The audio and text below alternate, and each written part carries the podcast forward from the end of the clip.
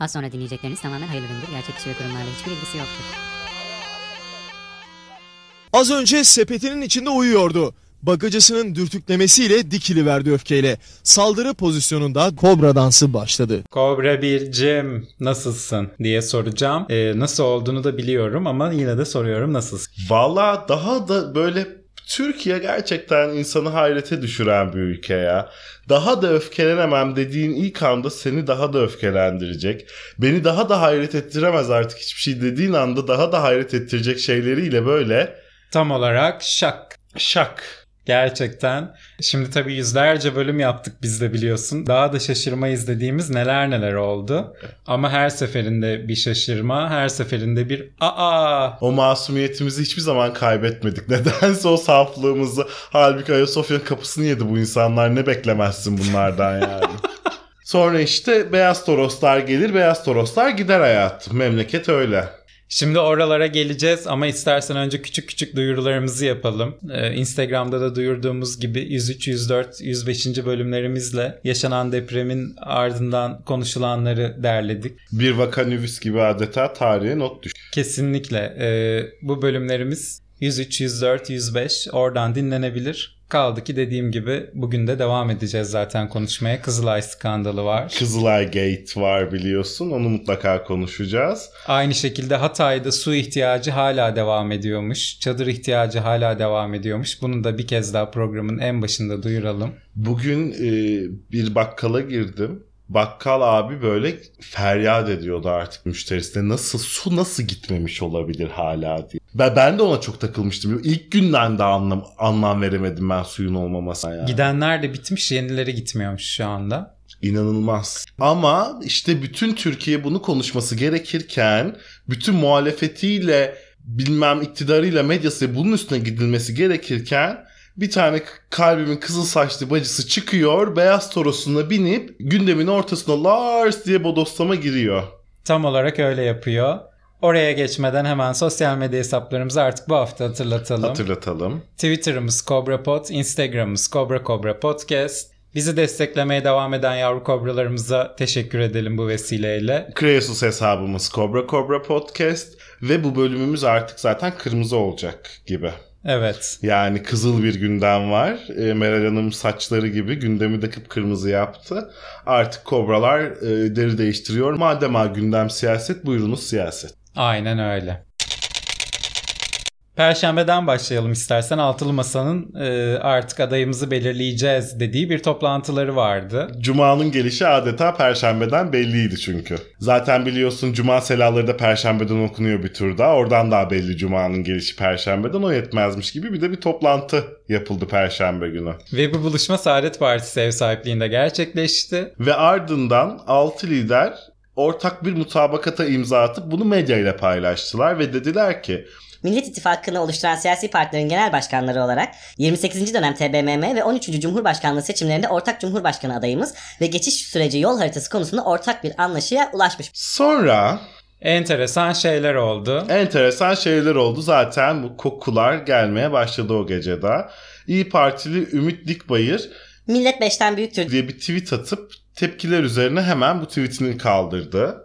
Başka bir İyi Partili isim de Sana apoletlerini sök dedik. şeklinde bir tweet attı. Bu tweet'i de kaldırdı daha sonra. O da zaten e, Meral Hanım'ın önceden işte bu başkan adayı olacak kişinin apoletlerini sökmesi gerekir demesine bir göndermeydi.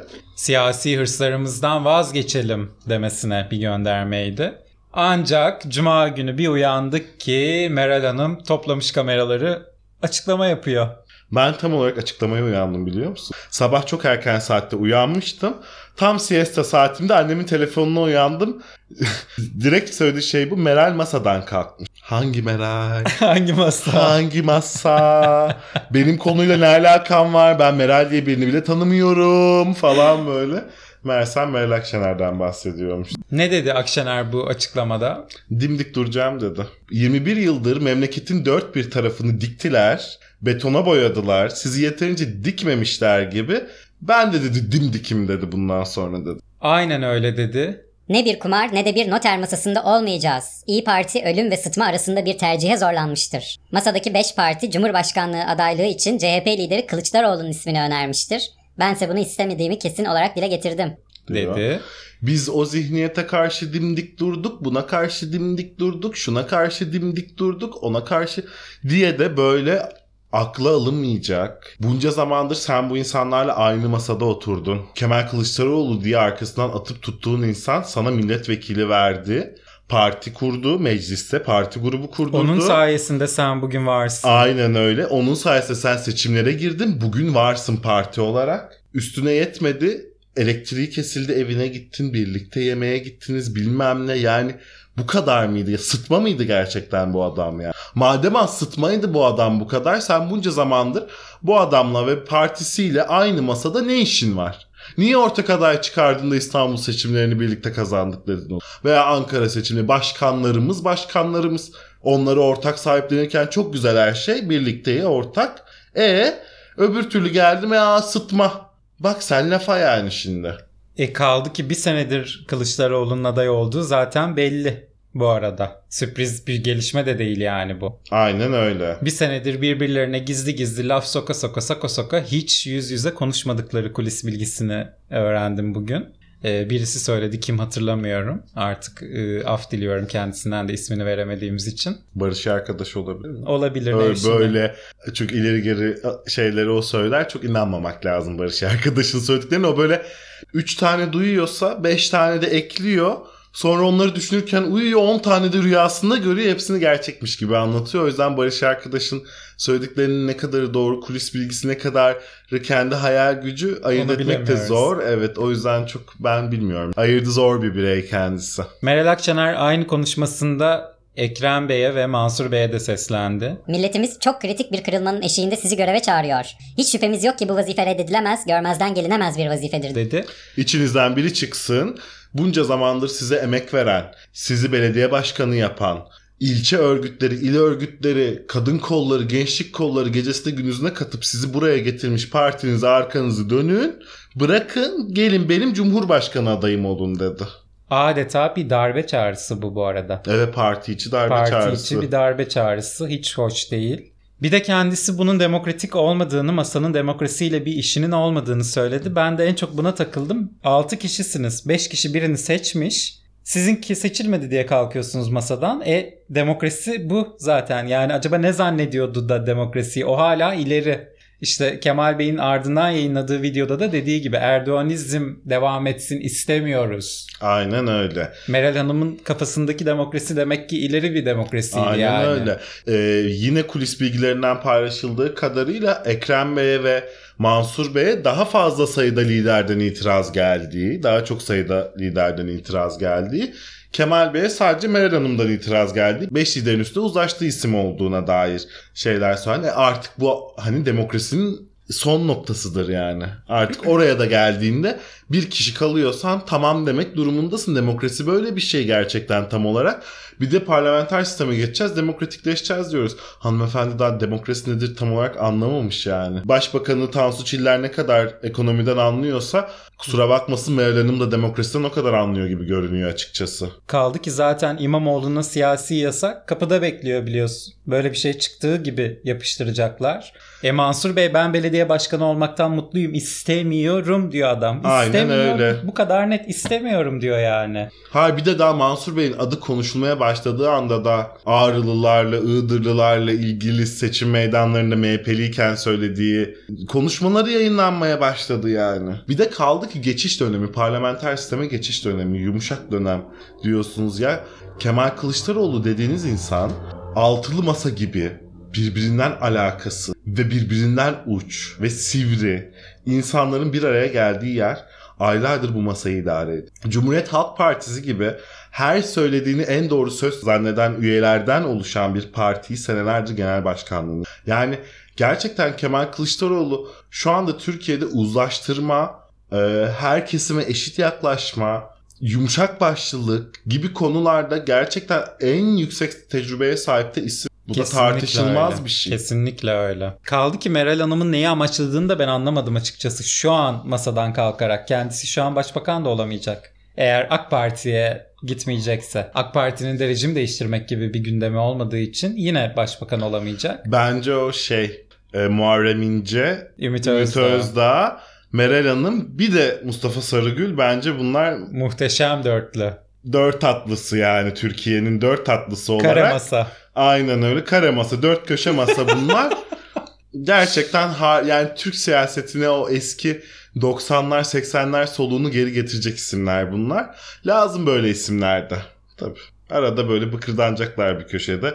Biz de dönüp diyeceğiz, ibret alacağız dönüp diyeceğiz ki ay gerçekten böyle orta çağdan da duyulabilirdi sesimiz. Çok şükür biraz daha ilerici bir yerden bakıyoruz hayata deyip ibret alacağız yani böyle isimler olacak ki hayatta. Ve e, şunu da söylemek istiyorum ki Meral Hanım'la ilgili ben e, zaman zaman e, yanılgıya düştüm. Beni tavladı kendisi bazı açıklamalarıyla. Ama sen ilk günden beri ne olursa olsun ne zaman Meral Akşener'in ismi geçerse geçsin Beyaz Toroslarını hatırlatarak e, kendisine tırnak içinde güvenemeyeceğimizi, güvenilmez bir insan olduğunu bizlere vurgulamıştın. Eminim ki yavru kobralarımız da bunu fark etmişlerdir. Hatırlıyorlardır da. Ama öyle güvenilmez. Bir Süleyman Soylu bir ben. Kılıçdaroğlu'nu bile kandırdı ama Soylu ile ikimizi asla Asla. asla, biz kül yutmayız Süleyman Bey'le ikimiz. Gerçekten Süleyman Soylu da 2020 yılında yaptığı açıklamada benzer şeyler söylemişti. Ben kendisiyle siyaset yaptım ona güvenilmez demişti. Bir de Çiller benim için Türkiye Cumhuriyeti'ndeki en önemli siyasi figürlerden birisi. Ben Çiller döneminin böyle meclis kulislerine kadar araştırıp okuyup falan bildiğim için Meral Akşener'i gerçekten Çiller zamanından tanıyorum diyebilecek rahatlığa sahibim. İçişleri Bakanlığı zamanında neler yaptığını, oradan ne gibi kokuların geldiğini çok iyi biliyorum. Sadece işte Meral Akşener'in göstermesi gereken nezaketi gösterip bir altılı masa var. Bir artık farklı bir oluşuma gidiliyor. Tamam farklılıklarımızı görmezden gelmeyi veya işte eski hesaplarımızı bir kenara bırakmayı başaracağız deyip aslında bunu okeydim Meral Akşener'in içinde bulunduğu bir siyasi oluşumu işte tamam demeye. Ama işte Meral Hanım gerçek yüzünü gösterdi. O kızıl saçlarıyla beyaz torosuna atladı ve masayı terk etti yani. Kılıçdaroğlu'na da adaylığı hayırlı olsun diyelim. Kendisinin vazgeçmeyeceğini de bizzat kendisi de söyledi. Ee, bizzat senin aldığında bir kulis bilgisi de evet var. ben çok yani partinin ikinci ismi denebilecek isimle bugün görüştüm. Kemal Bey aday. Bak biz de artık haberci olduk hayatım. Olduk var. Ben başka bir sebeple aramıştım kendisini de onu da arada hemen sordum Nevşin gibi hemen sıkıştı. ha bu arada Kemal Bey mi aday kesin mi o falan diye. Ve Meral Akşener konusu falan yoktu yani. Bu sabah çok erken saatlerde oldu bu görüşme. Ondan sonra evet evet öyle yani kesin falan diye yanıt aldım. Ee, ilk yorumu Kemal Kılıçdaroğlu'nun çok şık oldu Hiç merak etmeyin bütün taşlar yerine oturacak. dedi. Ki tek tek tek tek de oturdu. Kemal Bey'in aslında bu taşlar yerine oturacak geliyor gelmekte olan bu muallak söylemlerini çok eleştiririz biz. Ama bu aslında muallak değil. Yani taşlar derken de yer derken de Kemal Bey'in ne kastettiğini aslında bu açıklamayı duyan gören herkes çok net anladı. Ve ardından da aslında Kemal Bey'in yaptığı ziyaret çok dikkat çekiciydi bu açıklamanın ardından. Kesinlikle. Türkiye İşçi Partisi'ni ziyaret etti. Ardından Sol Parti'yi ziyaret etti. Yarın HDP, MYK ve Gelecek Partisi Başkanlar Kurulu toplanıyor. Tabii Kemal Bey'in HDP'nin de içinde bulunduğu İşçi Partisi ile olan ittifakını da mı yanına alacak şeklinde bir yorum yapılıyor. Ama zaten Selahattin Demirtaş e, Kemal Bey'in adaylığını destekleyeceklerini söylemişti öncesinde. Ya kendilerinin bileceği iş. Onlar Aynen. sonrası artık politika. Ee, İşçi Partisi'nin bu ittifaka katılması beni şahsen çok mutlu eder. Beni de çok mutlu eder. Yani Meral Hanım'ın Beyaz Toros'a binip gidişinin ardından ay beni bugün daha başka bir şey mutlu edemezdi derken bir anda Erkan Baş'la Kemal Bey'in el ele fotoğraflarını gördüm Twitter'da ve dedim ki o gerçekten taşlar yerine oturuyor yani Türkiye'de. Kemal Bey bir video yayınladı. Ben bu saatten sonra değişmem. Sofra büyümek zorunda. Bunu da kimse durduramaz. Bu sofrada siyasi oyunların, nezaketsizliğin, Erdoğan dilinin olmaması gerekirdi. Erdoğan'ı da, Erdoğan'ın propaganda makinesini de yeneriz, yeneceğiz. dedi ve güler yüzlüydü. Ee, oldukça umutlu gözüküyordu, mutlu gözüküyordu. Bu zamana kadar herkesi nasıl kucakladığını hatırlatır. Kucaklamaya da devam edeceğini çok güvenilir bir şekilde gösterir de bir hali vardı. Konuşmasının da genel havası bu şekildeydi. Bakalım yani Kemal Bey'e çıktığı yolda başarılar diliyoruz biz kobralar olarak. Kesinlikle. Özdağ ilginç açıklamalarda bulundu bu süreçle ilgili aslında. 5 Mart günü saat 15'te Ankara Büyükşehir Belediye binası önünde Mansur Yavaş'ı göreve davet etmek için miting düzenleyeceğini açıkladı. Muharrem İnce ben böyle bir mitinge katılamam. O başka bir partinin belediye başkanı. Ee, bu çağrıya ortak olmam doğru bulmuyorum bu çağrıyı dedi. Ya onlar çok gerçekten Komikler, değil çok mi? komikler. Altılı Masa toplantısından önce bir grup toplanmış. Pankartlarında adayımız Muharrem İnce yazıyor fakat röportajlarında eğer Mansur Yavaş aday olmayacaksa bizim adayımız Muharrem İnce gibi bir açıklamada bulunuyorlar. Bu böyle Yaşasın İttihat ve Terakki diye slogan da atmışlar arada. ne güzel. Yani bu böyle Mansur Yavaş, Ekrem İmamoğlu ve Muharrem İnce arasında kalanların böyle bir kafa onlar henüz karar veremediler yani. Bu üçünden biri diyorlar ama sanırım e, gerçekten gidip verecekler mecbur. ya veya üçün birini alacaklar yani üçünden Evet. birini. Yani böyle üçün biri üçün biri bu kadar da meraklı olunmaz yani. Neyse. üçün biri Özdağ çıkıyormuş aralarından görürler günlerini. Twitter'da da müthiş bir Muharrem İnce propagandası var şu anda. Ya 13-14 yaşında çocukların yazdığı şeyleri şey yapma şimdi bana. E, şunu da hatırlatmak gerekir ki Twitter'ın Türkiye ortalamasının %18'ini yani %18 Twitter'da gördüğümüz şeylere celallenmeyelim, sinirlenmeyelim. Onlarla sevinmeyelim de. O öyle bir fact olarak orada dursun ama bu görüşlerin sadece %18 olduğunu, iyisinin de kötüsünün de bunu unutmayalım diye ben yavru kobralarımızla bu bilgiyi paylaşmak isterim. Yani adam kazandı mesajı canlı yayında okunurken biberonundan sütünü içip çok affedersin altta sıça sıça uyuyanlar gelip burada şimdi bana Muharrem İnce savunmasın. Yani işte e, bu Türkiye'nin %18'i ise oradan Muharrem'i destekleyen %5 ise bu o oranı %2 falan çıkıyordur. Yani maksimum Türkiye genelinde 1 çıkıyordur. O yüzden her şey yazılır Twitter'da, her şey çizilir. Oradaki ne anketlere inanalım, ne Gündemlere. gündemlere aynen öyle. Kaldı ki rende binası zaten oranın da şirazesini kaydırmış vaziyette. Tabii.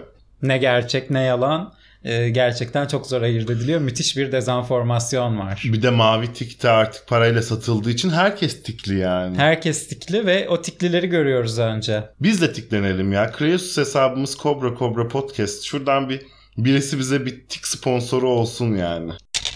Bu arada Meral Akşener'e Cumhur İttifakı'ndan da ilk davet geldi. Büyük Birlik Partisi lideri Destici Cumhur İttifakı ile birlikte hareket ederse bundan memnuniyet duyarız. dedi. Sayın Cumhurbaşkanımız da geçtiğimiz yıl kendisine bir davette bulunmuştu biliyorsun. Yuvana dön kızım demişti. Bu arada Cumhur İttifakı da çok ilginç bir oluşum.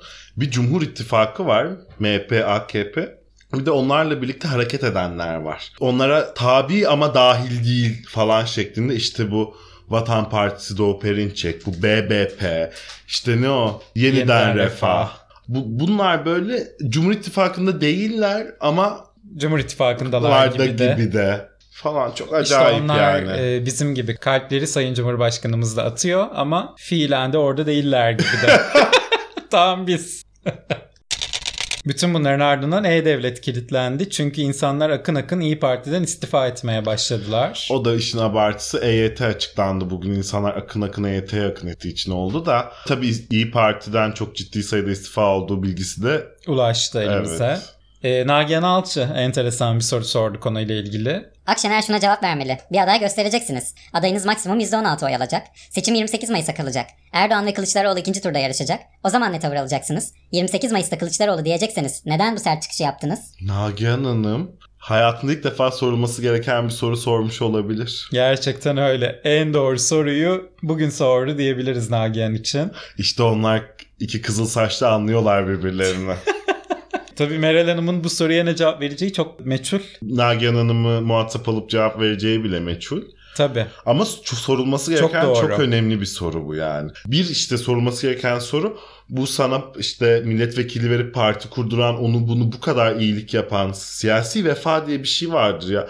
Bir insanı böyle dakikasında bu kadar kolay ortada bıraktın, yarı yolda bıraktın. Bir de seçime iki ay kala yaptın bunu. Sonrasında ne yapacağını biz nasıl bilelim şimdi seni, nasıl güvenelim? İkincisi de evet yani madem ikinci turda Kılıçdaroğlu'nu destekleyeceksin şimdi neden bu kadar sert çıkış yapıyor? Onun tabii tahminleri muhtemelen Ekrem Bey ya da Mansur Bey birisi e, kabul edecek çağrısını ve ilk turda %51 alarak kazanacak. O belki de bunu düşünüyor ama bu tarz büyük çıkışlarda B planı, C planı, D planı hepsi hazır olmaz mı yani insanın? İşte Ee, A planın bu tamam çok da akla yatkın bir plan. Bir Ekrem Bey diyecek ki tamam adayım olsun Meral Hanım kabul ediyorum diyecek olacak. Tamam 51 aldı 52 aldı okey.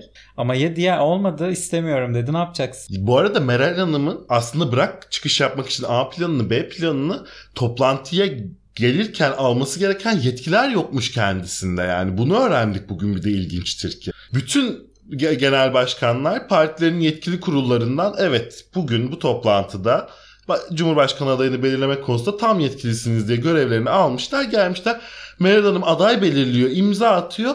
E, Bir de Ben kurul... bir partime sorayım. Ha E ben kalkayım o zaman masadan demiş zaten öncesinde de. Kemal Bey buyurun demiş. Temel Karamollaoğlu ve Gene mi Barış Babacan. arkadaşın hayallerini anlatıyorsun bize kongre Yok bunu herkes anlattı. Ha. Herkes Kemal Kılıçdaroğlu deyince Meral Hanım e ben kalkayım o zaman demiş. Kemal Bey buyurun demiş. E, Ali Babacan ve Temel Karamollaoğlu aa olur mu öyle şey lütfen sakinleşelim diyerek ortamı yatıştırmışlar. E, bu da enteresan. İyi anayasa fırlatmamışlar birbirlerine diyormuşum. Gerçekten bu zamana kadar sağ sol tanımlamak yerine belki de demokrasi anlatabilirlerdi Meral Hanım'a. Değil mi? Çok daha işlevsel olurdu Değil açıkçası. mi? Değil mi? Geçmişe dönüp alınması gereken derslerden birisi bu. Belli ki Meral Hanım demokrasi ne demek tam olarak İdrak anlayamamış. edememiş. Ee, gelişmelerin takipçisi olacağız. Belki hafta içinde çok çok büyük şeyler olursa bununla ilgili oturur bir şeyler daha yaparız sizlere. Ee, Sayın Erdoğan tabii ki son konuşmayı yaptı her No. olayda olduğu gibi. Noktayı koydu yani. Dedi ki veni vidi vici Oturdular, konuştular, dağıldılar. dedi. Aynen öyle bir İran atasözü vardır dedi çok severim dedi. Söyledi onu Farsça bir şekilde ardından da oturdular, konuştular, dağıldılar dedi. İşte öyle. Bırak dağınık kalsın hayat. En iyisi. Bence de. Bırak Bence dağınık de. kalsın. Şimdi Ekrem İmamoğlu ve Mansur Yavaş'tan bir son dakika açıklaması geldi. İstersen onları paylaşalım. İyice gecenin ilerleyen saatlerine geldik artık ve Cuma gecesi itibariyle Ekrem Bey'in Ankara'ya doğru yola çıktığını söylemiştik. 23.40'ta bir tweet paylaştı Ekrem İmamoğlu ve dedi ki Millet İttifakı halkımızın içinden geçtiği zor bir dönemde ağır bir sorumluluk alarak devleti etkin ve demokratik, toplumu huzurlu ve zengin kılma iradesiyle kurulmuş bir siyasi birliktir. Milletimize çaresiz, umutsuz ve yalnız olmadıklarını göstereceklerine inanıyorum. CHP'nin öz evladı ve Millet İttifakı'nın belediye başkanı olarak milletimizin arzu ettiği birlik içinde ittifak masasında irademizi temsil eden Sayın Kılıçdaroğlu'nun ve Millet İttifakı'nın eksilmeden çoğalarak büyüyeceğinden şüphem yoktur. diyerek Mansur Yavaş'ı etiketlemiş bu gönderisine. Mansur Bey'le de Ankara'da buluşmuşlar zaten. Aynı dakikada 23.40'ta Mansur Bey tweet atmış. Birebir aynı dakikada. Bugüne kadar yaptığımız açıklamalarla Genel Başkanımız Sayın Kemal Kılıçdaroğlu'nun iradesi dışında hareket etmeyeceğimizi belirtmiştik. Temennimiz Millet İttifakı'nın tüm paydaşlarıyla yoluna devam etmek. Etmesidir diyerek o da Ekrem Bey'i etiketlemiş bu gönderisine. Ee, diğer CHP'li büyükşehir belediyeleri de aynı benzer, Benzer. paylaşımlarda bulunmuşlar. Ee, kendilerini tebrik ediyorum açıkçası. Ee, Meral Hanım'ın çağrısına kulak vermedikleri için. Buradan da görülüyor ki Meral Hanım biliyorsun konuşmasını iki ihtimalle bitirmişti. Ya tarih yazacağız ya tarih olacağız diye. Bu tarz iki şıklı sorularda genelde ikinci şık doğru olur. Ee, bakalım şimdi onu diyecektim ben de. Meral Hanım'ın şimdiki hamlesini e, bütün kamuoyu ve halk olarak merakla bekliyoruz bence. Aynen öyle. Umutsuz olmayalım. Umudumuzu kaybetmeyelim. Her zaman bu umut Aşılama işini yapıyoruz ya yapıyoruz hakikaten. Çünkü biz de umutluyuz. Ben umutluyum. Ben hiçbir zaman Evet, memleketimden, memleketimden ve bu yurdun halkından umudunu kesebilmiş bir insan değilim. Neler olursa olsun yani ki neler oldu. Diyorum ya Ayasofya'nın kapısı yendi. Yani gene de ben umudumu kaybetmedim. Bence e, Kemal Bey'in liderliğinde çok keyifli ve gerçekten yumuşak geçiş diye tanımlayabileceğimiz bir geçiş sürecine doğru emin adımlarla gidiyoruz diye hissediyorum ben. Tabii şimdi asıl konumuza gelecek olursak deprem, depremzedeler. Ee, Akşener bu çıkışıyla sadece e, altılı masaya ve muhalefete değil aslında depremzedelere de bir darbe vurdu.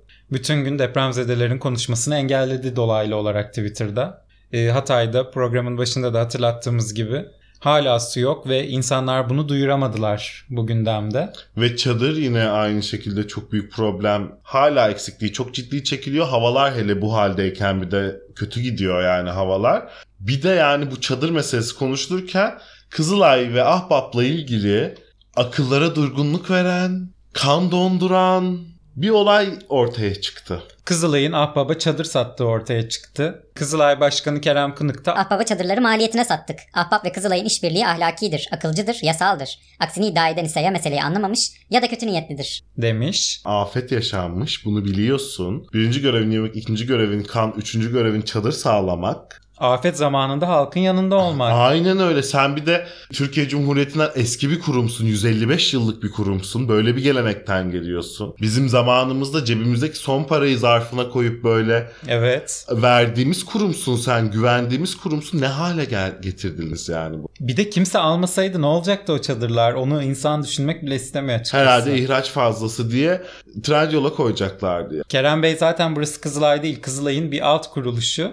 Ee, sadece çadır üretip satan bir şirket burası demiş. O da enteresan ama aynı şekilde Türk Eczacılar Birliği'ne de çadırların satıldığı ortaya çıktı. Ee, aynı şekilde birkaç tane şirkete daha sattığı da ortaya çıktı. Eczacılar Birliği 76 metrekare büyüklüğündeki 5 çadırı 800 bin liraya almış. Yine aynı gün Kızılay'ın Trakya deposunun çadırlarla dolu olduğu ortaya çıkıyor ve insanlar hala çadır yok burada derken. İşte satış bekliyorlar. Gerçekten öyle galiba. satışının yapılmasını bekliyorlar yani. Kızılay'ın bu arada o kadar çok şirketi var ki. Konserveleri bilmem neleri yaptıkları ayrı bir şirketi var. Bu maden sularını ürettikleri ayrı bir şirketi var. İşte bu çadır için varmış mesela benim hiç haberim yoktu. Kızılay Yardım Derneği Yardım Kuruluşu olmaktan çıkıp bir şirkete dönüşeli çok oldu. Çok oldu. Zaten bunu yetkili ağızlardan da duyduk Kızılay'ın başına yıldırımlar düştü diyebilir miyiz? diyebiliriz. Gerçekten diyebiliriz. Hüseyin Baş da 76 metrekare çadırı 140 bin liraya satmışlar ve buna maliyetine sattık diyor. Peki biz bölgeye yolladığımız 98 metrekare çadırı 32 bin liraya nasıl aldık? diye soruyor Nasıl bir maliyetiniz vardı acaba? Yoksa deprem üzerinden bile kar peşinde mi koştunuz? diyor. E koşmuşlar gibi Koşmuşlar. gözüküyor. Apaçık koşmuşlar. Şirket dediğin zaten kar peşinde koşar. Bu da çok normaldir yani. Ama bu konuyla ilgili bence en ilginç açıklama AK Parti Grup Başkan Vekili Mustafa Elitaş'tan geldi. Kendisi Nilkare İbrahimgil ekolüne dahil bir e, AK Partili. Dedi ki Çadır üretimi varsa bunu para karşılığı aldı diye ifade etmek yerine Kızılay bu dağıtım organizasyonunu o sivil toplum örgütüne devretti diye düşünmek daha doğru olur. dedi. Ya Ya hiçbirimizin aklına gelmemişti. e, o aradaki onca para geçişi ne olacak peki? O da işte Ahbap'ta parayı Kızılay'a, Kızılay'a devretti. devretti organizasyonunu yapması için. Aynen Onlar öyle. da işte yıldırımlara devredecekler kendi aralı. Neyse. Neyse.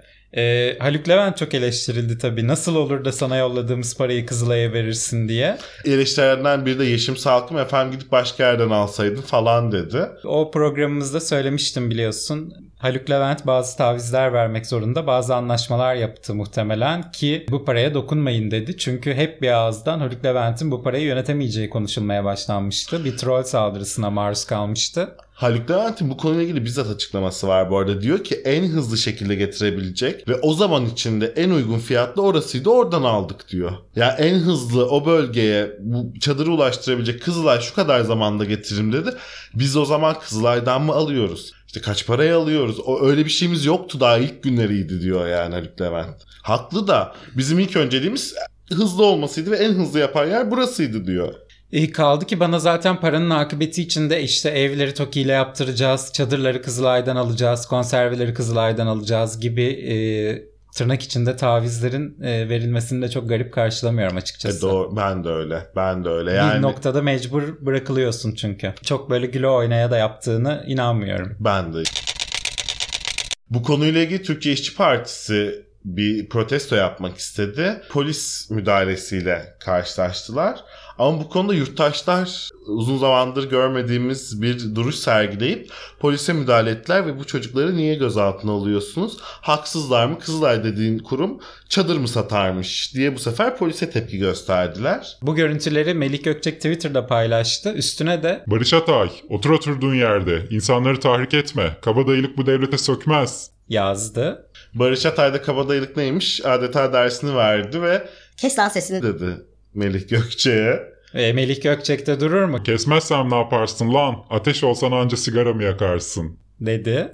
Barış Atay da cevaben Ya hadi Melih etrafta şişme dinozor falan varsa git onlarla oyna. Olmadı bir kum havuzu falan bul. Asabımı bozma benim yeterince derdimiz var zaten. diye karşılığını verdi. Oh Evet güzel bir kavga.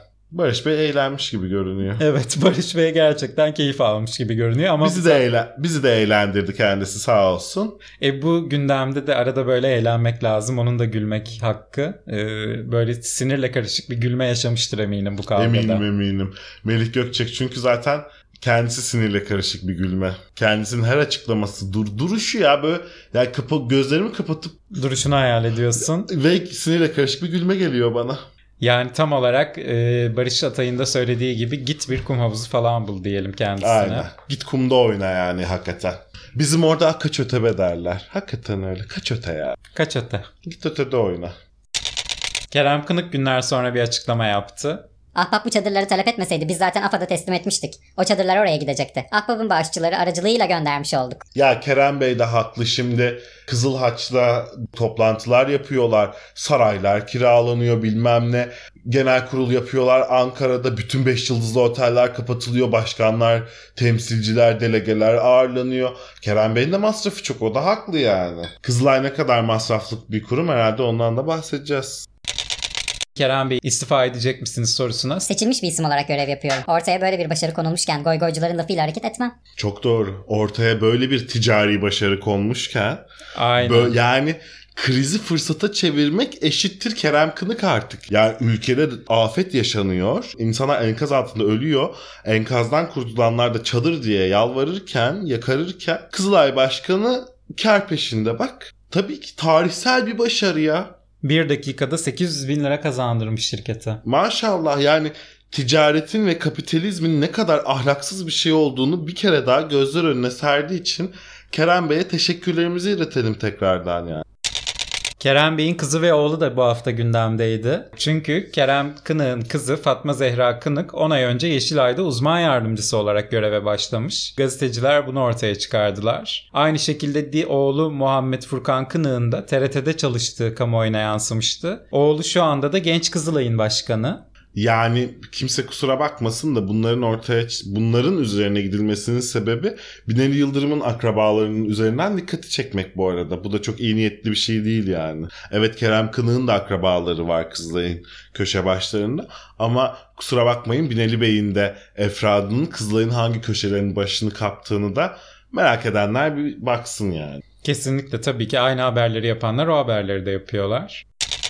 Genç Kızılay yöneticilerinden Furkan Özdemir'in de özgeçmişi çok konuşuldu bu hafta. 5. sınıfta okul başkanı yardımcısı, 8. sınıfta okul başkanı seçildi. 4 senede 4 lise değiştirdi. 4 farklı okulda okul başkanlığı yaptı. Devamı da var onun. Bütün okul başkanlık ve sınıf başkanlık kariyerini yazmışlar beyefendinin. İnanılmaz. İnanın mü- müthiş bir liyakat. Müthiş bir CV aynı zamanda. İlkokulda 8 sene e, sınıf başkanlığı yaptım. 7. sınıfa geldiğimizde sınıf temsilciliği ve okul başkanlığı denen bir şey çıktı. 2 senede hem sınıf temsilciliği hem okul başkanlığı yaptım. Lisede aynı şekilde 4 sene aralıksız sınıf temsilciliği ve 2 sene okul başkanlığı. Yurtta yatılı kalıyordum. 4 senede yurt başkanlığı yaptım. Ben de genç Kızılay olmadı. Genç Yeşilay'da bir görev istiyorum. En az e, 30 bin lira maaşlı. Ayda da 3 maaş huzur hakkı istiyorum. Kızılay'ın eski başkanı Tekin Küçükali Kızılay'ı holdinge dönüştürdüler. Toplam 82 yönetici var. Her ay 300 biner TL maaş alıyorlardı. dedi. Vazgeçtim 300 bin istiyorum en az. Senin de en az diğer 82 yönetici gibi 300 bin lira alman lazım hayatım. Kendilerinden daha fazla sınıf ve okul başkanlığı tecrübem var. Bu arada 15 Temmuz Derneği Başkanı İsmail Hakkı Turunç'un Kızılay'ın çadır satan şirketinin yönetim kurulunda olduğu ve huzur hakkı aldığı ortaya çıktı. Ayrıca Kızılay Başkanı Kerem Kınık'ın danışmanı da olan Turunç bunun için ne kadar maaş aldığını açıklamadı. Bir maaş zinciri kurulmuş Kızılay'da da. Tabii. Aslında yabancı olduğumuz bir şey değil bu tarz aile arkadaş şirketleri biliyorsun. Aynı kişinin birkaç farklı görevde bulunması hatta 10 hatta 21 farklı görevde bulunan bir kişiye yılın çalışanı ödülünü de verdik geçtiğimiz günlerde. Oluyor yani böyle Oluyor, şeyler hiç oluyor. tuhaf değil. Büyük düşünür Arto Tales'in de dediği gibi burası bir Türkiye. Bir Türkiye'lerde böyle şeyler olabiliyor. Ama işte şöyle bir sıkıntı var. Önceden Kızılay herkesten ve daha çok zenginden toplayıp fakire, ihtiyaç sahibine gönderen bir kuruluştu. Şimdi daha ziyade fakirin fukaranın cebinde harçlığında artanı alıp zenginleri daha da zenginleştirmek yönünde bir e, çaba sarf ediyor. E, orada da tabii ister istemez bir işlev bozukluğu ortaya çıkıyor yani. Ama işte biz bütün bunları tartışırken Kerem Kınık Instagram hesabından boydan bir fotoğrafını paylaştı story olarak. Ve Hodri Meydan dedi. Bu da enteresan. Üstüne de Sayın Cumhurbaşkanımız çıktı dedi ki Son noktayı gene koydu. AFAD'a Kızılay'a saldıran dal kavuklara asla kulak asmayın. Kapatın programı diyormuş. Biz de çünkü onlardanız. Boş konuşuyorsunuz dedi Sayın Cumhurbaşkanımız. Bir anket açıklandı bu hafta. E, AFAD'ın çalışmalarını, Kızılay'ın çalışmalarını başarılı buluyor musunuz sorusu yöneltilmiş. Evet başarılı buluyorum, çok başarılı buluyorum diyenlerin oranı başarısız buluyorum diyenlerden çok daha fazla. Burada da rende binasının, hükümetin, Sayın Cumhurbaşkanı'nın açıklamalarının ne kadar işlevli olduğunu ve halkta kabul gördüğünü görüyoruz aslında. Vitaminsiz göbelsin başarıları bunlar diyorsun. Kesinlikle öyle. Doğru. Halk AFAD'ın ve Kızılay'ın gayet iyi çalıştığını düşünüyor. E, canım benim İsviçre'den gelen çadırlara hemen orada muhtemel sticker bulamamışlar. A4'ü Bantla. bantla yapıştırıp Kızılay amblemi yapıştırdılar yani. E bunun üstüne Pakistan'da Türkiye'ye gönderdiği çadırların üzerine satılık değil yazmış da göndermiş yani. Ki İşte- satmasın Kızılay başkalarına diye. İşte öyle Pakistan'dan böyle Ders alırsın. ya ya Gelir eyvah, Pakistan yüzüne böyle şak diye vurur yani. eyvahlar olsun gerçek. Yani Kızılay'ın yüzüne en son vuran Johnny Sins'ti biliyorsun. Evet. Çok olay olmuştu. Türkiye'nin gündemini en çok kapladığı dönemdi Kızılay'ın. Bir de bu olay iki oldu. Yani şak diye vurdular Kızılay'ın yüzüne gerçekten. Bu Kızılay olayı e, daha çok su kaldırır diye düşünüyorum. Kerem Bey zaten benim tanıdığım kadarıyla öyle bir insan. Ya Rabbi şükür demeyi bilen bir insan. Öyle diyeyim. Yani o böyle kötü eleştiri, karşı propaganda falan tam tersi onu kamçılıyor. Daha böyle Şevklendiriyor ve evet, motive hırslandırıyor. Aynen öyle motive ediyor falan. Öyle ya Rabbi, ya Rabbi şükür diyor geçiyor yani. Depremzedelere gidelim istersen şimdi. Bölgeden haberler verelim. Hafta içinde köyde yaşayan bir aile karlara yardım et yazdı. Helikopterler görsün de köye yardım ulaştırsınlar diye yani. İnsanlar bir yandan bu haldeler Kahramanmaraş'ta. Bir yandan bunlar yaşanırken Aile Bakanımız Derya Yanık çıktı dedi ki Depremde arkadaşlarımızın pek çoğu depremzede olmalarına rağmen 0. dakikada sahaya çıktı. Derya Hanım haklı olabilir. Aile Bakanlığı ve Aile Bakanlığı çalışanları bu zamana kadar yaptıkları şekliyle görevlerini yerine getirmek için hakikaten 0. dakikada sahada olabilirler. Onu dinleyenlerimiz bence çok iyi anladı ne demek istediğimi. Bence de öyle. Kaldı ki kendisi kayıp çocuk sorusuna da bir yanıt verdi meclis kürsüsünden. Çocuklarımıza erişmeye çalışıyoruz ki önemli bir kısmının sağlık kuruluşlarında olduğunu varsayıyoruz. Henüz kimliği tespit edilememiş, tedavisi devam eden çocuklarımız var. Varsayıyoruz çocuklarımızla ilgili. Aile Bakanımız. Erişmeye çalışıyoruz. Varsayıyoruz. Harika. 0. dakikadan beri müthiş Sahadayız. bir başarı. İnanılmaz bir açıklama bu bu arada. Yani İnanılmaz. aklım almıyor. Keşke hiç konuşmasaydın bunu söyleyeceğine diye düşünüyorum açıkçası. Kendisi deprem bölgesinde 583.751 kişiye psikososyal destek sağlandı demiş. Herhalde nasılsın diye soruldu. Çünkü aksi mümkün değil biliyorsun. Yani 583.751 psikososyal danışmanın bölgeye gittiğini düşünsene. Her şeyden önce akıllara ilk soru şu nereye sıçacaklar? Bu arada. İlk gelen soru bu oluyor yani.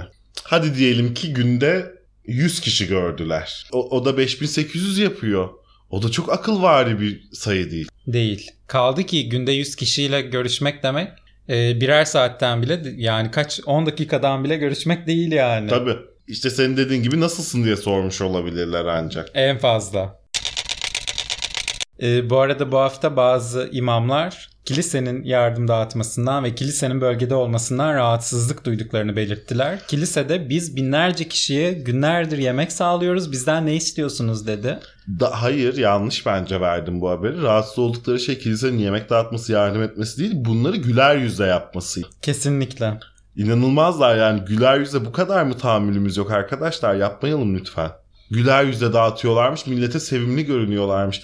Belki de gerçekten sevimli insanlardır. Tanımayı dener misiniz acaba? Bir şans vermek ister misiniz bu insanlara yani? İstemezler. Hani kardeşlik diniydi? Hani barış diniydi? Hani herkesi kucaklayan bir dindi? Yerine göre işte işine göre. Hani böyleydi. Hani böyle ama bu noktaya geldiği hakikaten nasıl ya birisi çıkıyor diyor ki güler yüzlüler. Yemek dağıtırken insanların aklını çelecekler. Güler yüzle çeliniyorsa bu insanların aklı sizde mi deneseniz? Siz acaba? bir de Gerçekten hani bundan bir ders mi çıkarsanız acaba? Acaba biz de hani Müslüman cemaatçi olarak güler yüzü mü tercih etsek? Bak demek ki insanlar etkileniyor bundan hoşlarına gidiyor diye. Hatay Büyükşehir Belediye Başkanı'nın Afrika Prensi paylaşımı da çok olay oldu bu hafta. Kim olduğuna internetten bakmak kimsenin aklına gelmemiş olacak ki e, kendisini Afrika Prensi olarak tanıtan beyefendinin deli olduğu ortaya çıktı.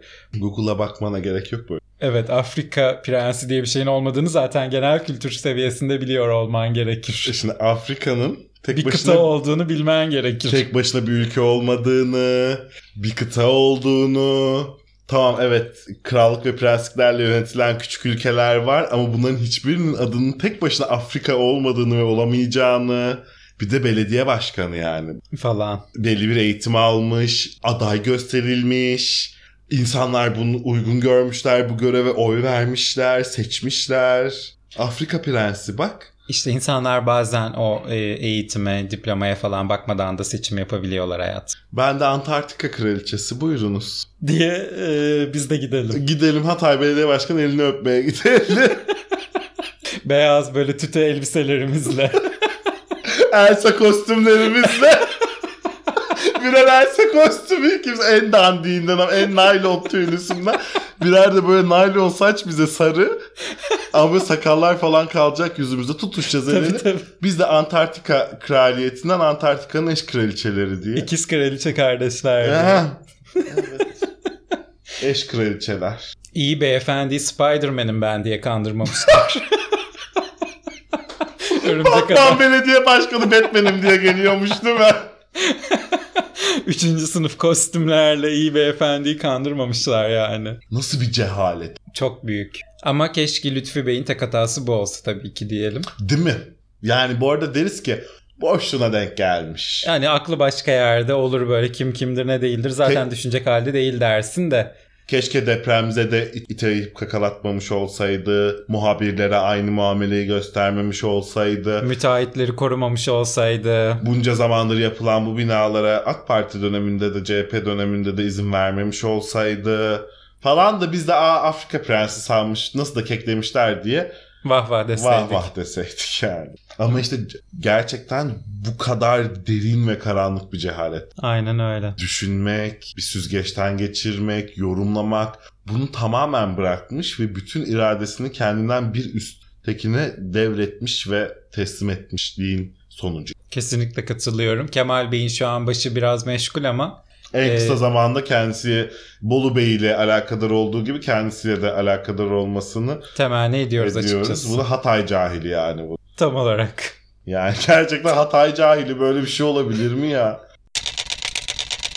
Mehmet Barlas da köşesinden bizlere seslendi her hafta olduğu gibi. Utanmadan depreme dayanıklı şehirler kurulmasının seçim yatırımı olduğunu iddia edenler var. Altılı masa aslında depremzedeler yıllarca çadırda yaşasın. Kalıcı konut sorunu çözülmesin ama yeter ki Erdoğan bu işten kazançlı çıkmasın demeye çalışıyor. Yazmış. Mehmet Bey için üzüldüm ben. Demansın bu seviyesi gerçekten üzücü yani. Belli bir yaşta oluyor. Kimsenin çıkıp depreme dayanıklı şehirlerin kurulmasının seçim yatırımı olduğunu iddia etmiyor. Tam tersi depreme dayanıksız olacağı bu yapıların bilim insanları tarafından açıkça söylenirken bu yapıların bir yıl içinde seçim yatırıymışçasına yapılmasına itiraz ediyorlar aslında insanlar. Ve Altılı Masa'nın asla depremzedeler yıllarca çadırlarda yaşasın gibi bir dertleri yok. Tam tersi Altılı Masa'nın üyeleri, şu anda Beşli Masa, bu depremzedelerin çadır ve konteyner dışında aslında diğer illerde konaklayabilecekleri sürdürülebilir ve kalıcı çözümler aslında aramaya çalışıyorlar bu konutlar yapılana kadar. Bu işte artçılar bitene ve orada konut yapılması sağlıklı hale gelene kadar. Kesinlikle. Ama işte Mehmet Bey kendi küçük dünyasında yaşıyor ona yapacak bir şey yok. Ne o? Sabah. Sabahın başında işte o yani. Aynen öyle. Ona dert anlatmakla uğraşmayalım. Erdoğan ve Bahçeli ikinci kez Adıyaman'a gitti ve Erdoğan burada İlk günler için Adıyaman'dan helallik istiyorum. Dedi. Twitter'da da helal etmiyoruz diye e, herkes tabii ardı arkasına yazdı. Başta depremzedeler olmak üzere. Aynı bölgede Bahçeli de halkla kavga etti. Bu da çok ilginç bir videoydu. Kendisine bazı protesto girişimleri oldu Sessiz olacak burada herkes. diye çıkışıp ardından da etrafındakilere İndirin şunları. emrini verdi. Telefonla çekenlere indirin şu telefonları dediği. Söylendi açıklamada diyorsun. Bana kalırsa Bahçeli Bey onda da e, Alzheimer alıp götürmüş genç ülkücü yıllarını hatırladı bence. O, o, yıllara döndü bir anda böyle indirin şunları dediği. zamanları ama o yıllar geçeli çok oldu. Çok hem de. Bu arada lütfen Erdoğan'ın açıklaması da es geçilmesin.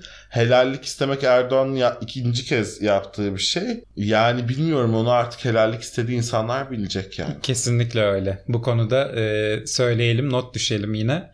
Yorumda bulunmayalım. Ancak e, Erdoğan Adıyaman'da halka iki yüzlük dağıttı. Çok e, dehşet verici görüntülerdi bence. Tüyleri diken diken eden görüntülerdi. Bu sırada Allah'ına kurban reisim. Bu çocuğa da ver, bana da ver. Gibi böyle istekler ve beklentiler ortaya çıktı. Vay be. ya Yani Julius dağıtır gibi cebinden çıkardı tomarını. Milletin tık eline, dağıttı. eline sıkıştırdı yani. Kabile reisi. Yani Evet. adeta anlatabiliyor Adeta. muyum? Yani böyle küçük bir topluluğun reisi işte değil mi bize bayram ziyareti olmuş bir şey olmuş. Kendisi görmeye gelenlere işte altın dağıtıyor. Yemek ikram ediyor. Bir şey artık o kabilenin geleneği neyse onu yerine getiriyor gibi. Bizde de 200'lük dağıtmakmış. Turkcell yetkilisi bir açıklama yaptı. Depremin hemen ardından bölgede iletişim sorunları yaşanmıştı. Hala devam eden bölgelerin olduğunu duyuyoruz. Deprem bölgesindeki fedakarlıkların, oradaki teknik personelin, fedakarane çalışmaların da kamuoyu tarafından takdir edilmesi lazım. Şahsen rica ediyorum. Arkadaşlarım çok üzülüyorlar. Dedi ama Turkcell, Vodafone ve Türk Telekom hakkında da soruşturma başlatıldı e, deprem anında ve sonrasındaki yetersizliklerinden ötürü. Bakalım net sonuç çıkacak. Bakalım. Bakalım. Türkiye'de çünkü soruşturma başlatmak çok kolay, Kolay. hızlı ve yapılıyor da neticesi bazen olmayabiliyor. Bakalım neticelenecek mi? Bakan Kurum bu hafta bazı açıklamalarda bulundu. İstanbul'da 1,5 milyon riskli konutu hem Anadolu hem Avrupa yakasında belirlediğimiz iki rezerv alana taşıyacağız. dedi. İstanbul'da 1,5 milyon konut yapılacak alan mı kalmış? Kuzey ormanlarından bahsediyor herhalde. İnanılmaz manasız bir açıklama. Zaten e, Ekrem İmamoğlu da katıldığı bir programda bu açıklamanın ne kadar tutarsız, ne kadar hayal olduğundan bahsetti. 1,5 milyon insanı e, sadece taşınması 100 yıl sürer dedi. Çok haklı yani. Gerçekten Türkiye'nin bütün kamyonlarının, bütün nakliyelerinin bu 1,5 milyon insanın taşınması için e, kullanılması Bir- lazım. Ona rağmen 100 yıl sürer yani. 1,5 milyon insan değil konut. Konut. 1,5 milyon tane ev taşımak demek yani. Bugün oturuyorsun Şişli'de sabah geliyor diyor ki hayır efendim artık sen Çerkezköy'de yaşıyorsun. Seni biz diye taşıyoruz diyor Taşıyor. artık Çerkezköy'desin diyor. Bir gidiyorsun hop Çerkezköy Bir gidiyorsun Mecidiyeköy'ün aynısını yapmışlar Çerkezköy'e. falan. Bütün o beton armeliği, viyadüğü şeyi hepsiyle bir gidiyor. Hiç yabancılıkta çekmiyorsun. Yolları tanıyorsun bir gidiyorsun Belgrad ormanına doğru ama bakıyorsun ki ne orman var ne Belgrad. Artık orası Başakşehir olmuş mesela. İnanılmaz. Hadi hükümet istifa sloganlarına gelelim. Stadyumlardan e, fışkıran adeta diyebilir miyiz? Diyebiliriz. Bütün taraftarlar Hem Fenerbahçe maçında hem Beşiktaş maçında hükümet istifa tezahüratları yaptılar. Hatta Beşiktaş maçında sahaya oyuncak fırlattılar. depremzede çocuklara gönderilmesi için çok duygusal anlar ve görüntülerdi. Ee, Benim hayatımda nadiren futbola sempati duyduğum anlardan biriydi diyebilirim. Tabi Devlet Bahçeli hemen ardından açıklamasını yaptı. Bütün kulüp başkanlarından müsabakaların ya seyircisiz ya da gerekli tedbirlerin alınarak oynanması hususunda acil ve gerekli adımları atmaları kaçınılmaz görevleridir. Ya insanların cebinden bozuk paralarını, çakmaklarını, her şeylerini alıyorlar. Yok. Ağızlarına bir ağızlık Hah, muhtemelen. Hani son onu da mı yapacaklar yani girişte? Ağızlarına birer ağızlık mı takacaklar insanların? Böyle Devlet Bahçeli'nin kafasında ilginç bir distopya var ya hani işte ağızlıklarla e, maç seyrettiğimiz indirin şunları dediğinde adamların tak tak tak İndirdi. indirdiği harika bir yer Devlet Bahçeli'nin beynindeki Türkiye. George Orwell duysa kanı donar bu arada yani. Kesinlikle. Bahçeli Beşiktaş üyeliğinden de ayrıldığını duyurdu. Ama Beşiktaş'ın aslında aidatlarını ödemediği için kendisinin üyeliğini zaten sonlandırdı. Ve dahi bir istifa dilekçesinin de gündemde olmadığı, kendi ellerine ulaşmadığını duyurdu. Yine Beşiktaş aidat ödenmeme gibi bir durumun da olmadığını duyurdu Bundan böyle Karagümrük sporluyum. dedi Evet. Bahçeli. Şimdi kara gümrüklüler düşünsün. kara gümrük yanıyor, polis beni arıyor, kara gümrük yanıyor, herkes devletten biliyor bakalım. Bakalım. Şimdi dediğin gibi gerçekten Karagümrük Spor'un düşünme vakti. Bazı spor kulüpleri de tabii bu hükümet istifa olayına ne yapıyorsunuz kendinize gelin dedi. Kayseri Spor bir metin yayınladı. Hemen ardından Konya Spor da aynı metni biraz değiştirerek yayınladı. Futbola siyaset karıştırmayın. Çağrısı yaptı bu iki spor kulübü de. İki kulübünde mevcut başkanlarının AKP'den milletvekili aday adayı olmaları da tabii çok dikkat çekti hemen bu açıklamaların üzerine.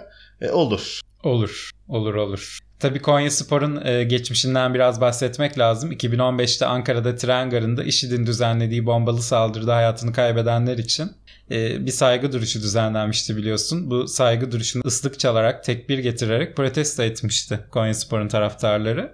E, bunun da unutulmaması gerektiğini düşünüyoruz. Çok haklısın. E işte öyle. Dün böyleyse bugün böyle olması hiç şaşırtıcı değil. Değil. aslında.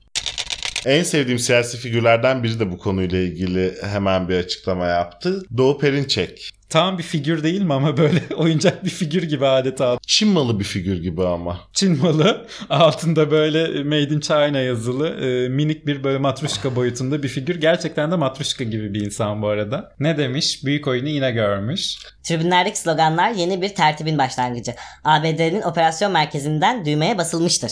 Aynen öyle. Böyle yine e, hayal gücü, yine böyle büyük ekranlarla çevrili bir operasyon odası. Bir sürü düğmeler ve Bir tanesinin üstünde Türkiye yazıyor. hayır bir tanesinin üstünde Türkiye'deki taraftarları hükümet istifa et sloganı attır yazıyor. Kesinlikle. Buna özel düğme var. Ve o düğmeye bastılar. Bastılar. Geçmiş olsun hepimize. Üzerimizdeki parmakları görüyorsun. Aynen öyle. yani basılmak, parmaklanmak ve düğmelerle ilgili problemleri olan, olan arkadaşlarımıza da yine Doğu Perinçek'ten e, Eşcinsellik ve Yabancılaşma kitabını da önerelim. Kendisi böyle her konuda fikri olan, Matruşka gibi işte. her konuda fikri olan birisi. Neyse. Nagihan Alçı Ekrem İmamoğlu'nu sıkıştırdı. Yani bu Ekrem İmamoğlu ile Nagihan Alçı'nın yan yana geldiği programlar bende ilginç bir şey uyandırıyor. Ekrem Bey asla kale almıyor Nagihan Hanım'ı. Sürekli- bu da Nagihan'ın hoşuna gidiyor gibi. Evet. Aralarında böyle bir sadomazo ilişkisi Evet, var adeta. evet inanılmaz tease ediyorlar birbirlerini, tahrik ediyorlar yani. Çok acayip. Şey gibi, siz de şoka girdiniz mi? Vardı ya pandemi zamanında. evet evet. Bir spikerle bir muhabir arkadaşın böyle "Aha, size fiyatlar gibi yükseliyorum size diye böyle flörtleşmeleri onlar gibi adeta ama daha Sert, sev- daha daha. BDSM. Ekrem Bey de Mersen Fifty Shades of İstanbul'muş değil mi? Yedi kule zindanlarını boş restore ettirmemiş. Nagihan Hanım demiş ki Ekrem Bey'e programda Kemal Bey size gelse ben mi çok ayılırım sen mi dese ne dersiniz? soruya bak şimdi sadece soruyorum ama bağladı iyice. ne münasebetsiz bir de yani. Hakikaten o ne mani anneni mi daha çok seviyorsun babanı mı gibi Aynen öyle. manasızlık içinde bir soru. İmamoğlu da vermiş cevabını Nagihan Hanım müsaade edin Kemal Bey'le aramıza girmeyin. demiş. yani Tabii bu hafta bütün bunlar yaşanırken aslında her gün yaşadığımız bir şey olduğu için hissetmediğimiz enflasyon rakamları da açıklandı. ENAG'a göre %126,91 olan enflasyon TÜİ'ye göre %55,18'de kaldı. E, bunun üzerine e, TÜİK ENA tekrar dava açacağını duyurdu. E, Profesör Doktor Veysel Ulusoy da O davaya öyle bir hazırlanacağız ki şoka girecekler. dedi. Hepiniz takip edin lütfen dedi. E, bakalım herhalde e, rakamlar konuşacak bu davada belli ki. Grafikerlere karşı ENAK. Ama biliyorsun hayatım ekonomi rakam işi değil gözlerdeki ışıltı işidir. Aynen öyle. Mahkemede kimin gözleri daha çok ışıldıyorsa onlar kazanacak belli ki. Gözleri daha iyi ışıldayan kazansın diyelim o zaman. Tabii bu sırada 4 kişilik bir ailenin açlık sınırını açıkladı Türk İş. Şubat ayında 9425 liraya çıktı. Yoksulluk sınırı ise 30700 liraya yükseldi. Hayırlı uğurlu olsun ne diyelim. Denecek bir şey yok. İliklerimizde hissediyoruz zaten bu yoksul Aynen öyle. diyelim ve e, Cumhurbaşkanı köşesine gidelim artık bu hafta. Ve şimdi Cumhurbaşkanı köşesine gidelim. Oley! Cumhurbaşkanlığı köşesi. Evet! Önce Allah razı olsun dediğimiz bir haberle başlayalım istersen. Depremden etkilenen illerdeki hakaret davalarından vazgeçmiş Sayın Cumhurbaşkanımız. Ne büyük yüce gönüllülük. Gerçekten öyle. E bari depremzedelerin e, Cumhurbaşkanı hakaret suçlarını düşürelim demiş. Bir de yani e, fail ölünce dava konusuz kal- kalıyor. Ondan sonra dava unsurlarından birinin eksikliğinden zaten dava düşüyor.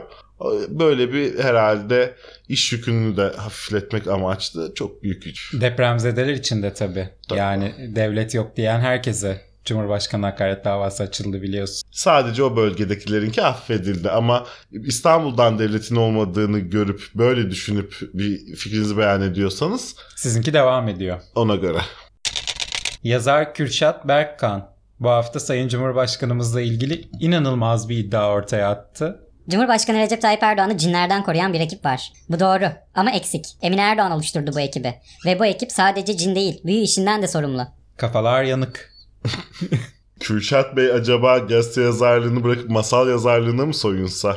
Veya ülkemizde e, Dabbe gibi, Siccin gibi çok güzel korku filmi serileri çekiliyor bu konularla alakalı biliyorsun. E, kendisi bunların senaryo ekiplerine mi katılsa? Çok daha sanki işlevsel olurmuş gibi. Doğru söylüyorsun. Köşe yazısıyla heba edilemeyecek fikirler bunlar çünkü. Öyle bir hayal gücü.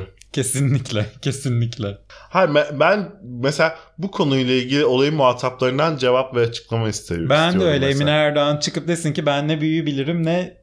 Cin kavmi topladım etrafımda o Donat Hanım'ın işidir desin. Aynen öyle. Veya desin ki evet bu, bu konuyla alakalı ekibimiz var. İşte Sayın büyü- Cumhurbaşkanımız korunuyor desin. He, desin ki bu büyüce şuramız, bu periliçemiz, bu perihan perimiz, işte efendim bu Donat Hanım'ımız diye ekibi de tanıtsın bizle. Aynen öyle. Çok doğru söyledin. Devlette şeffaflık esastır hayat. Eğer böyle bir ekip varsa muhtemelen bütçesi o güvenlik Bütçesi bütçesinden içindedir. evet karşılanıyordur. Ama ona da bir açıklık getirilirse seviniriz. Ne münasebet böyle bir şeyi talep etmemiz. Bu arada. Cumhurbaşkanı Erdoğan bir açıklama yaptı. İçinden geçtiğimiz sürecin normal bir durum olmadığını ülkemizdeki ve dünyadaki tüm bilim insanları söylüyor. Gerçekten de Türkiye bir çeşit deprem fırtınasına dedi. Tam tersi bilim insanları deprem fırtınası denen şeylerin bu tür Hatay'daki, Maraş'taki gibi büyük fayların küçük küçük depremlerle, zararsız depremlerle art arda gelen depremlerle boşalması durumuna deniyormuş. Buna deprem fırtınası denmiyor. E, bilimsel olarak öyle olup olmaması Sayın Cumhurbaşkanımızı ilgilendirmiyor zaten biliyorsun. Çünkü Cumhurbaşkanımız bu konuya biliyorsun ki jeolojik, jeofizik, jeoteknik, hidrojeolojik, sismiteknoteknik, morfolojik İncelemeler Yaklaşıyor. ışığında yürütüyor. Gerçekten öyle. ya bu şey gibi olmadı mı? Heterodoks'tan bu yana yeni kelime öğrenmedik. Geçtiğimiz yapamadığımız derslerdeki yeni Telafi. kelimeleriniz telafi çocuklar çalışıyor. jeoloji, jeofizik, jeoteknik, hidrojeoloji, sismoteknoteknik, morfoloji, Bu, şimdi yeni kelimelerimiz bunlar. Bakalım bunların anlamlarını öğrenip haftaya geleceğiz. Sismoteknoteknik çok şey değil mi? Böyle bir merdiven altı gece kulüplerinde çalınan hiçbir müzik türüymüş gibi. Sismoteknoteknik. Aynen öyle. Ve kendisi bütün bu seçim muhabbetiyle ilgili son noktayı yine koydu diyebilir miyiz? Tabii. Dedi ki Bu millet 14 Mayıs'ta gereğini yapacak inşallah. İnşallah. inşallah bizim de temennimiz beklentimiz o. Diyelim ve yavaş yavaş toplayalım. Ne haftaymış. Kızılay felaketiyle başladık. Stadyumlardaki hükümet istifa sloganlarıyla devam ettik. Altılı masa toplantısı, Meral Akşener'in çıkışı bir ay gibi geçen bir hafta. Bir anda da depremzedeler ve devam eden sorunları. İnanamıyorum. Reha Muhtar'la sevgili olmuş da ayrılmış gibiyiz adeta. İnanılmaz yani e, sinir sinir geldi şu an. Değil mi? Böyle bir düşününce gerçekten hani burada e, bir haftalık bir bölüm değil de bir aylık bir bölüm çekmiş kadar yoruldum bir yandan da biliyor musun? Bu arada aslında bu klasik demokrasi diye dalga geçtiğimiz işte Avrupa ülkelerinin bir senelik gündemi neredeyse. Tabii. Hatta daha fazlası Daha yani. fazla. 10 tane hükümet devirip kurduracak gündemi bir haftada pataküte yedik bak. Bayağı yedik yani. İnanılmaz. inanılmaz. Hepimize bir kez daha bir kez daha bir kez daha geçmiş olsun diyelim. Ve sabrımızdan dolayı tebrik edelim. Daha az sabır göstermek zorunda kalacağımız haftalarda görüşmek dileğiyle diyerek Herkesi çok çok öpelim. Haftaya görüşürüz. görüşürüz. İşleri bitince sakinleşiyorlar. Sonra yeniden sepete. Neyse ki buna razılar. Aksi halde yılanların öcü durumu ortaya çıkardı.